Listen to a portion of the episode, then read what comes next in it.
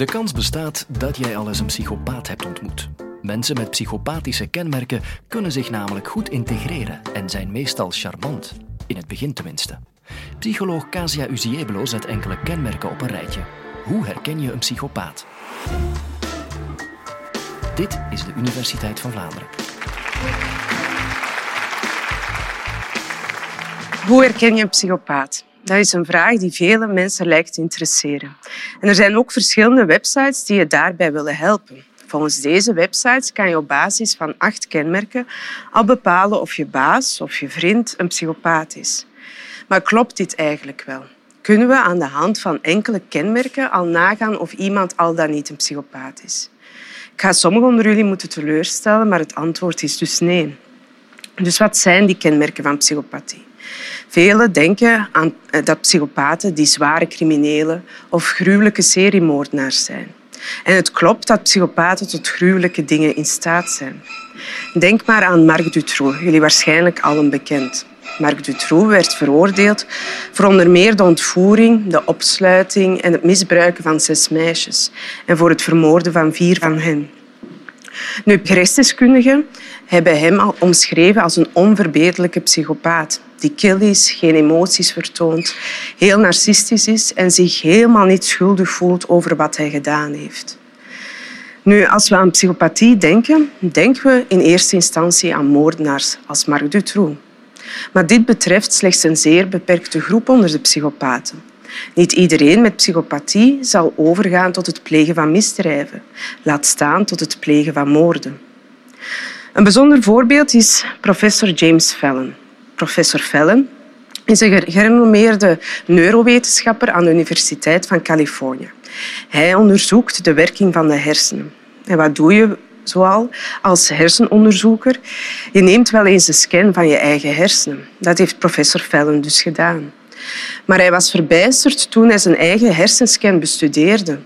Hij stelde immers vast dat zijn hersenscan heel wat overeenkomsten vertoonde met de scans van psychopaten. En dankzij die scan begon hij ook te beseffen dat hij inderdaad wel wat psychopathische trekken had. Hij manipuleerde vaak andere mensen en hij kon zich heel moeilijk inleven in zijn naasten. Maar hij geeft ook aan dat hij nog nooit uh, misdrijven heeft gepleegd of nog nooit een ge uh, gewelddadig is geweest. Dus professor Fallon heeft duidelijk een ander profiel dan Marc Dutroux. Maar allebei vertonen ze psychopathische trekken. Ze zijn beide weinig empathisch, vertonen weinig emoties, ze zijn narcistisch en manipuleren anderen. En dit zijn inderdaad al typische kenmerken van psychopaten. Maar er zijn er meer en daar zal ik het zo meteen over hebben. De moeilijkheid is echter dat je psychopaten niet gemakkelijk kunt herkennen. Ze komen in eerste instantie heel normaal over. Je kan er gemakkelijk een babbel mee slaan, je kan er zelfs plezier mee maken. Het is pas na een tijd dat je merkt dat achter die façade een emotieloze, manipulatieve en antisociale persoon schuilt. En soms ga je dit zelfs nooit doorhebben. En die façade wordt ook wel de schijn van normaliteit genoemd of in het Engels de mask of sanity. Een ander voorbeeld is Ronald Jansen. Ronald Jansen heeft enkele jaren geleden ook verschillende moorden en verkrachtingen bekend. Nu, Ronald Jansen wordt ook omschreven als een psychopaat, maar hij is er wel in geslaagd om jarenlang uh, zijn masker aan te houden. In het dagelijks leven was hij namelijk bekend als een vrij rustige, stille, wat teruggetrokken, maar vriendelijke leraar. En sommige studenten gaven zelfs eh, aan dat hij de beste leraar was dat ze ooit hebben gehad. En ook zijn directe omgeving heeft heel lang niet doorgehad met wat voor vrede man ze eigenlijk te maken hadden. Nu, jullie voelen mij al aankomen. Ik, uh, je kan psychopaten niet op het eerste zicht herkennen. Ik ga jullie dus ook geen huis, tuin en keukentips kunnen geven uh, om je luide buur, je charismatische yogatrainer of je gluiperige collega te ontmaskeren. Om psychopathie vast te stellen heb je diagnostische instrumenten nodig. In de praktijk gebruiken gedragswetenschappers als criminologen, psychologen en psychiaters de Psychopathy Checklist Revised of de PCLR. Wereldwijd wordt dit instrument beschouwd als het beste instrument om psychopathie te bepalen. De PCLR omvat 20 kenmerken die typerend zijn voor psychopaten. En de gedragswetenschapper gaat dan op basis van een uitgebreide dossierstudie en verschillende interviews na in welke mate deze kenmerken van toepassing zijn op die persoon.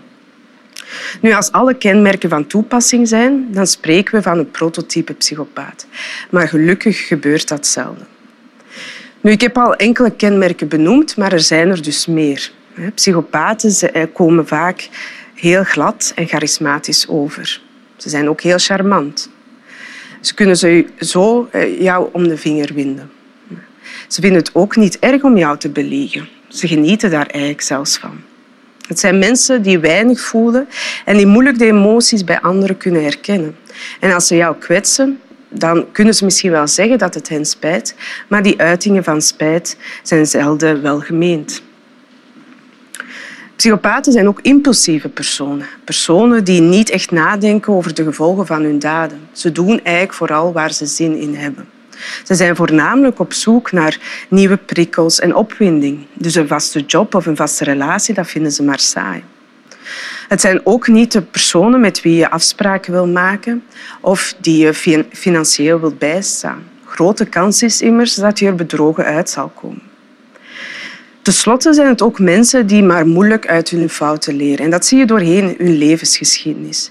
Het is niet zelden dat ze op zeer jonge leeftijd al brandjes stichten, diefstallen plegen en weglopen. En deze probleemgedragingen zie je dan verder doorheen heel hun leven. En meestal nemen die probleemgedragingen zelfs in frequentie en ernst toe. Nu herken je enkele kenmerken in je partner, in de persoon die naast jou zit of in jezelf begin dan zeker niet onmiddellijk te panikeren. Want op basis van mijn beknopte omschrijvingen kan je nog altijd niet bepalen of iemand al dan niet een psychopaat is. Daar moet je dus nog altijd een diagnostisch onderzoek voor uitvoeren. Nu, anderzijds is het ook weer niet helemaal vreemd dat je bepaalde kenmerken in je omgeving herkent. Want eigenlijk gaan we ervan uit dat ieder van ons wel één of meerdere kenmerken van psychopathie vertoont. En op zich is dat niet een probleem. Je moet wel al heel wat op je kerfstok hebben. Je moet al heel wat kenmerken van psychopathie vertonen vooraleer je echt een hoge score op die PCLR gaat behalen. Niettemin kunnen we ook niet volledig uitsluiten dat je ooit met een psychopaat te maken gaat krijgen. Naar schatting zou 1% van de algemene bevolking een hoge mate van psychopathie vertonen. Psychopathie komt wel vaker voor bij personen die criminele feiten plegen. Daar variëren de cijfers tussen de 8 en de 25 procent. En voor alle duidelijkheid, dit is niet alleen een mannenprobleem. Ook vrouwen kunnen best psychopathisch zijn. Maar de prototype psychopathie komt wel minder vaak voor bij vrouwen. Worden al deze mensen dan als psychopaat geboren? Wel, het antwoord is ja en nee. Eigenlijk ontstaat psychopathie vanuit een complex samenspel van genetische, neurobiologische en omgevingsfactoren. Bepaalde genen zullen voor een kwetsbaarheid zorgen. Maar hoe deze genen uiteindelijk tot uiting zullen komen, dat wordt toch grotendeels bepaald door omgevingsfactoren. En uit onderzoek blijkt dat de opvoeding een heel belangrijke rol speelt in de ontwikkeling van, psycho eh, van psychopathie. Zo zijn er verschillende studies die laten zien dat wanneer ouders een harde, kille opvoedingsstijl hanteren, de kans groter is dat hun kinderen agressief gedrag zullen stellen en emotieloos en kil worden. Maar ook hier hebben we het over een complex en, en vooral interactief proces. Stel je voor dat je een kind hebt dat nooit op jouw emoties reageert. Dat maar niet wilt vatten dat je je broers en zussen niet mocht pijnigen. En dat jouw grenzen heel tijd aftast door jou te pesten, door jou te treiteren. Je kan je al inbeelden dat het moeilijk wordt om dan een warme relatie uit te bouwen. Dus kortom, ouder en kind beïnvloeden elkaar. En daardoor is het heel moeilijk voor onderzoekers om echt te bestuderen wat nu de oorzaak en wat nu het gevolg is. Verder zien we ook dat afwijkingen in de hersenen kenmerkend zijn voor psychopaten. Denk aan professor Fellen. Hij stelde voornamelijk eh, afwijkingen vast in zijn prefrontale cortex en de amygdala. Dit zijn inderdaad typische afwijkingen bij psychopaten. De prefrontale cortex situeert zich in het voorste gedeelte, zoals jullie hier zien, van de frontale kwabben. En de prefrontaal cortex is betrokken bij verschillende zaken, zoals het doelen opstellen, plannen maken, het geheugen en moraliteit. De amygdala daarentegen die vormen een kleine amandelvormige structuur en zijn voornamelijk betrokken bij het aansturen en het verwerken van verschillende emoties. Nu, deze afwijkingen kunnen al enigszins verklaren waarom psychopaten zeer impulsief kunnen zijn, zich moeilijk aan lange termijn doelen kunnen houden en weinig emoties vertonen. Maar ook hier is er een probleem. Op basis van die afwijkingen alleen kan je niet bepalen of inschatten of iemand al dan niet een psychopaat zal worden. Want niet alle psychopaten vertonen deze afwijkingen. En niet iedereen met deze afwijkingen zal psychopathie ontwikkelen. Kortom, hoe psychopathie concreet tot stand komt, blijft toch nog een mysterie. En de vraag is of wetenschappers um, daar ooit in zullen slagen om heel die ontwikkeling volledig en gedetailleerd in kaart te brengen. Want het gaat nu eenmaal over een complex samenspel van verschillende factoren. Het is dan ook zeer aannemelijk dat hoe psychopathie um, tot stand komt van persoon tot persoon zal verschillen. Wat we wel duidelijker in beeld hebben, is de impact die psychopaten op hun omgeving hebben. Nu, psychopaten hebben alleszins een grotere kans om in de criminaliteit terecht te komen en zo verschillende slachtoffers te maken. Maar zelfs als ze geen crimineel gedrag stellen, dan nog kunnen ze heel wat mensen kwetsen. Stel je voor dat je een collega hebt die jou zwart maakt bij je collega's, bij je baas, die de hele tijd tegen jou liegt en met jouw werk gaat lopen. Of stel je voor dat je een partner hebt die niet naar je omkijkt, die helemaal geen rekening houdt met jouw emoties en eigenlijk gewoon doet waar hij of zij zin in heeft. En die jou voortdurend bedriegt en beliegt. Dan kan je je al inbeelden welke impact dit gedrag heeft, zou kunnen hebben op jouw welzijn. En dit blijkt ook uit ons onderzoek. Mijn collega's en ik proberen voornamelijk in kaart te brengen hoe partners van psychopathische personen de relatie ervaren en hoe zij zich in hun vel voelen. En uit onze studies blijkt duidelijk dat deze personen met heel wat psychische problemen te kampen hebben. Zij ervaren depressieve klachten en angstklachten bijvoorbeeld. Maar zij ervaren ook heel wat relationele problemen op verschillende vlakken. Ze geven aan dat er heel wat conflicten zijn in hun relatie en dat ze zich zelden echt gelukkig voelen.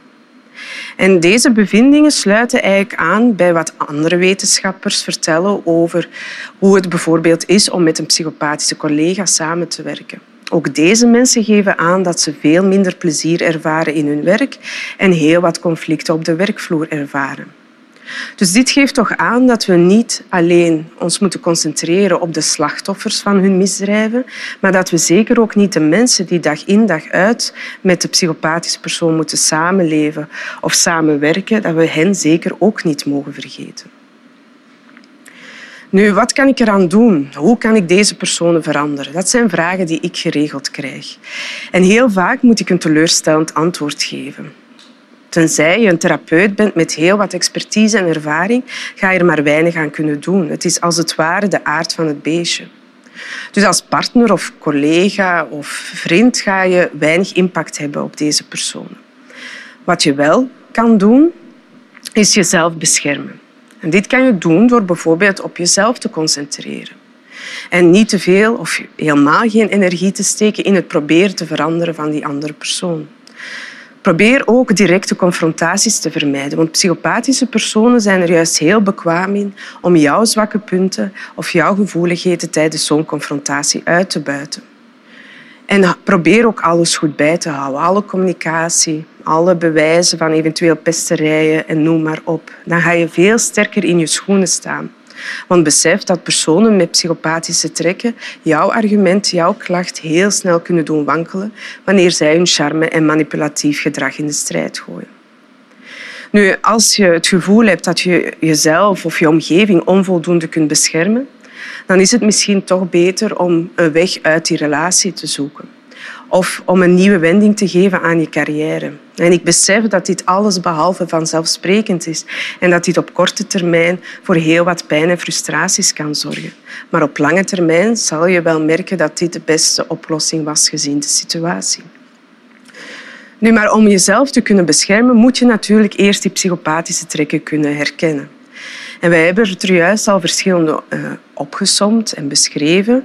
Maar zelfs met deze kennis zal het moeilijk blijven om deze psychopathische trekken te herkennen. Er zijn ook verschillende typen psychopaten. Je hebt de prototype psychopaten die gruwelijke dingen kunnen doen. Maar niet iedereen is zo vreed en gewelddadig als een Ronald Janssen of een Marc Dutroux. Maar of ze nu crimineel of niet crimineel zijn, het zijn wel wolven in schaapskleren, waar je dus maar beter zo ver mogelijk bij uit de buurt blijft.